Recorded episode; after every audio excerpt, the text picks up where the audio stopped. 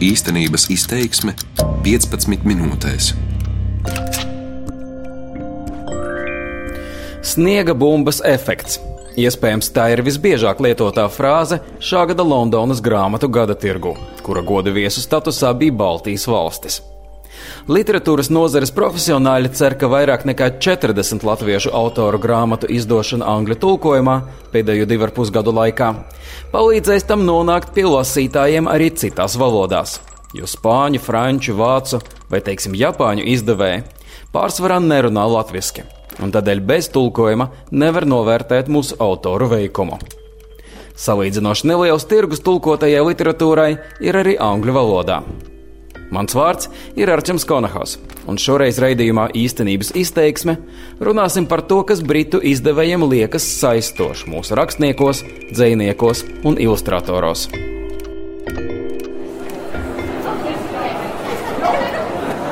Ir pulkstenis pieci pēcpusdienā, un pie Latvijas stenda Londonas grāmatu gada tirgu valda liela rosība. Te ir sapulcējušies pašmāju un ārzemju izdevēji, autori, literārie aģenti un citi nozares profesionāļi.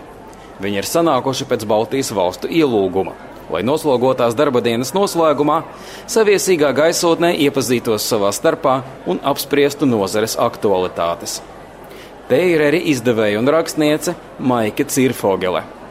Viņas vadītā izdevniecība Pērīna Press februārī ir laidusi klajā Noras Ikstenes romānu Mātes piens angļu tulkojumā. I was invited by the Latvian Cultural Institute two and a half years ago. Uh, to to, uh, Pirms divu ar pus gadiem es piedalījos Latvijas kultūras institūta organizētajā braucienā ar mērķi iepazīties ar Latvijas izdevējiem un autoriem. Parasti es publicēju tikai tās grāmatas, ko es pati varu izlasīt, lai saprastu, vai tās mani aizrauj. Noras grāmata jau bija iztulkota angliski, un tādēļ es varēju to izlasīt. Tas nav gluži tas pats tulkojums, ko mēs publicējām, bet tas deva man priekšstatu par šo grāmatu. Um, Cirfogelas aprakstītais ceļš pie Ikstenes romāna un Latvijas literatūras kopumā ir visai tipisks. Vairāki izdevēji, kuri pēdējos gados ir publicējuši angliski Latvijas autoru darbus, ir izšķīrušies par šo soli tieši pēc speciāli organizētā brauciena uz Latviju un izlasot jau iepriekš iztulkoto darbu. To pašu stāsta arī Emma Vraita, kuras vadītā izdevniecība Emma Press ir publicējusi Dainas Tabūnas īsos stāstus un Ievas Samauskas bērnu dzējoļu grāmatu Skaļā klase ar Vivianas Marijas Staņislavskas ilustrācijām. So that, timing, so Tas bija īstais brīdis, jo es gribēju sagatavot grāmatu sēriju. Tā vietā, lai pateiktu, te ir viena bērnu dzīves grāmata, es gribēju teikt, te ir piecas. Es pamazām pie tā strādāju, un tad notika brauciens uz Rīgu, kur es satiku šos lieliskos izdevējus. Pat nerunājot par tūkojumiem, man kā mazas izdevniecības vadītājai bija ārkārtīgi patīkami redzēt citas mazas izdevniecības. Tās bieži vien vada sievietes, kuras strādā mazos birojos, bet izdod ārkārtīgi skaistas grāmatas. Well, so... Būtiska loma ir bijusi arī mūsu valsts piešķirtajam finanšu atbalstam, jo tulkotās daļu literatūras tirgus Lielbritānijā ir visai neliels. To pasvītro izdevniecības Vagabond Voices vadītājs Alans Kamerons. I'll, I'll Es jums atklāšu labi zināmu noslēpumu. Briti gandrīz nepērk tulkoto daļu literatūru. Tās ir ļoti, ļoti maz. Šeit tulkotā daļa literatūra aizņem tikai 3% no kopējā grāmatu tirgus. Turpretī Itālijā, kas ir otra galējība, tie ir ap 25%. Tādēļ neviens no aptaujātajiem izdevējiem nerēķinās, ka viņi varēs nopelnīt daudz naudas ar latviešu autoru izdošanu. Kamerons, kura nelielā izdevniecībā atrodas Skotijā, Baltijas autora darbus publicē, ja viņiem interesē mazās valodas un kultūras. Well, no, it is, it is because... Es nekad to nebūtu varējis darīt naudas dēļ. Es vienmēr esmu bijis ieinteresēts mazās kultūrās. Mana māte runāja gēlu valodā, un es uzaugu ar apziņu, ka Lielbritānija vēl nav valsts, kas runātu tikai vienā valodā. Piemēram, velsiešu valodā runā ap 650 tūkstošiem cilvēku. Tas nemaz nav tik tālu no igauņu valodas pratēju skaita. Līdzīgi izsakās arī autors, tulkotājs un izdevējs Lorenz Šimels, kurš vada izdevniecību Midsummer's Nights Press you know, I'm a poetry publisher, so I'm not in it trying to make the numbers work. I mean, if I was. Es izdodu dzēju, tādēļ mans galvenais uzdevums nav nopelnīt naudu. Man jāspēj savest galus kopā, lai es varētu turpināt darīt to, ko es daru. Bet dzējas izdošana nenes liels ienākumus. Turklāt es pats esmu dzēnieks un atzējotājs. Projekts, kur ietvaros mēs publicējam Ingas Pizānas grāmatu, man šķiet būtisks, jo sieviešu darbi tiek krietni mazāk tulkoti. Tādēļ ir svarīgi to veicināt, cik vien tas ir iespējams. Un tādēļ tā vietā, lai tikai teiktu, ka tas būtu jādara, es paņēmu un izdarīju. Arī Emma Vraita grāmatu izdošana uzskata par savu sirdslietu.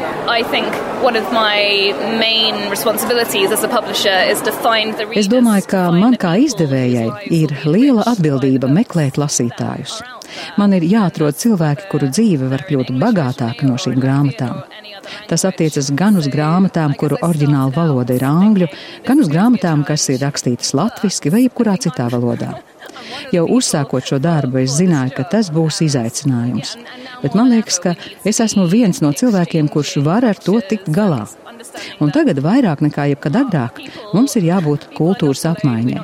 Mums ir jāsaprot, ka mēs nevaram fokusēt visu uzmanību tikai uz savu valsti, un tulkojumi te spēlē lielu nozīmi. Tā kā esmu gatava ieguldīt enerģiju, lai mainītu lietas.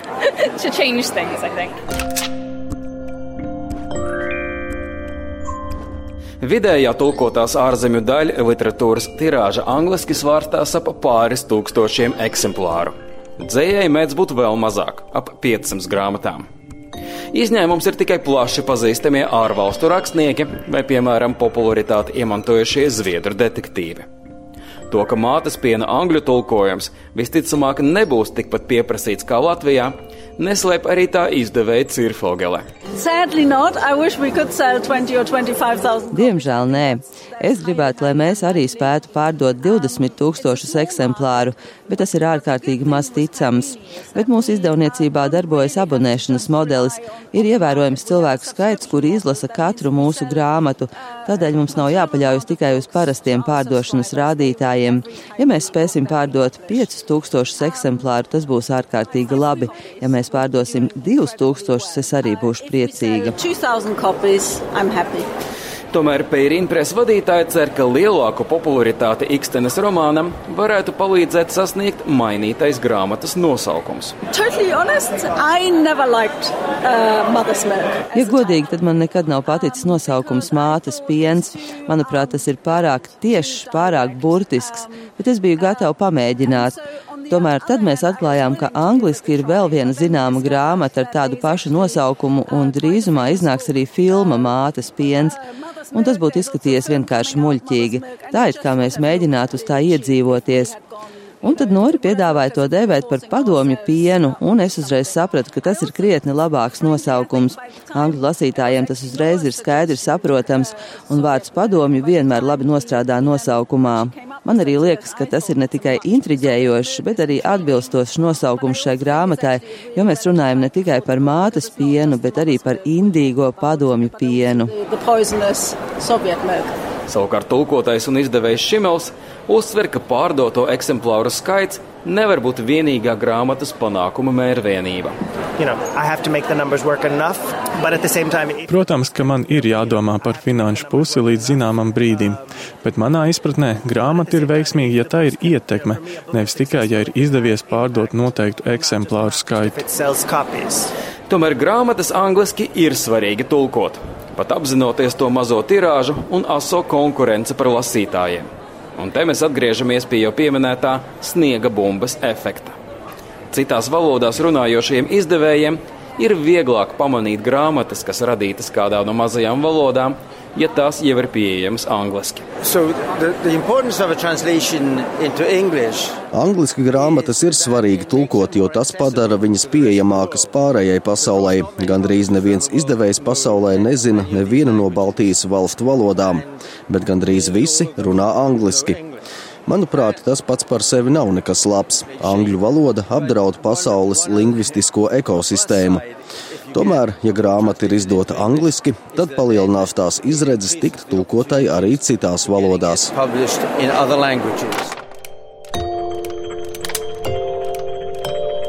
Nemazāk interesanti ir arī tas, kas piesaista ārvalstu izdevējus Latvijas literatūrai, kas viņu acīs mūsu autors atšķir no citiem.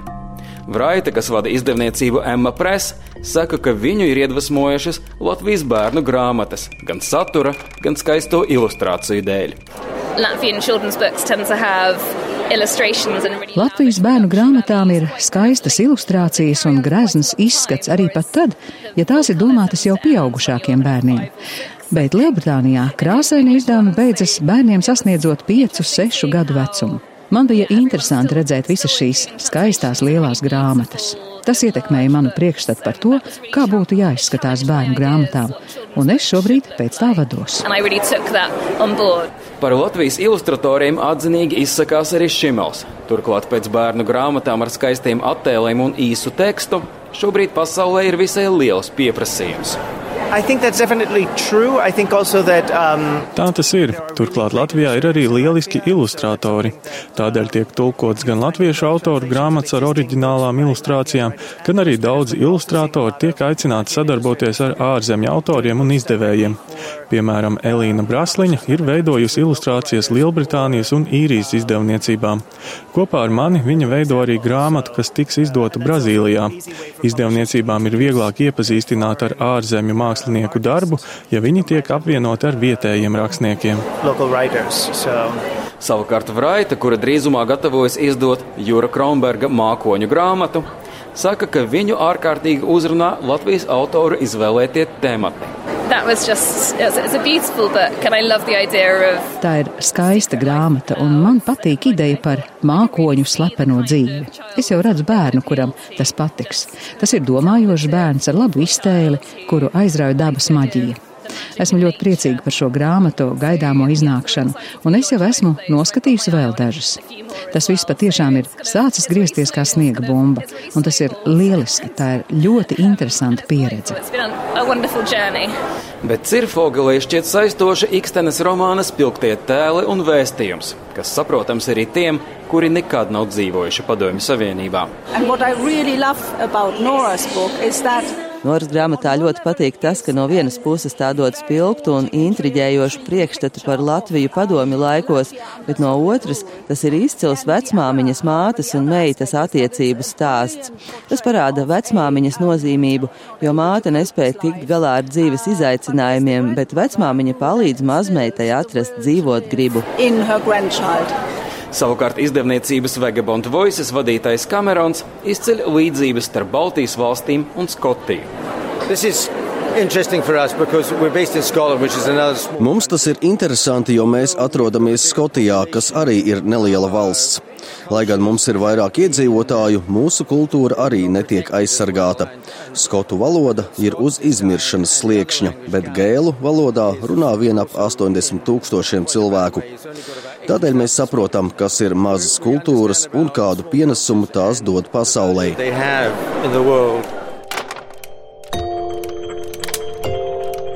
Noslēgumā var secināt, ka pēc vairāku gadu mērķiecīga darba interese par Latvijas literatūru un izdevējiem ir būtiski pieaugusi. Pateicoties valsts atbalstam un platformas Latvijas Literature pašaizliedzīgam profesionāļu darbam, divu ar pus gadu laikā angliski ir izdots ievērojams Latvijas autoru darbu skaits.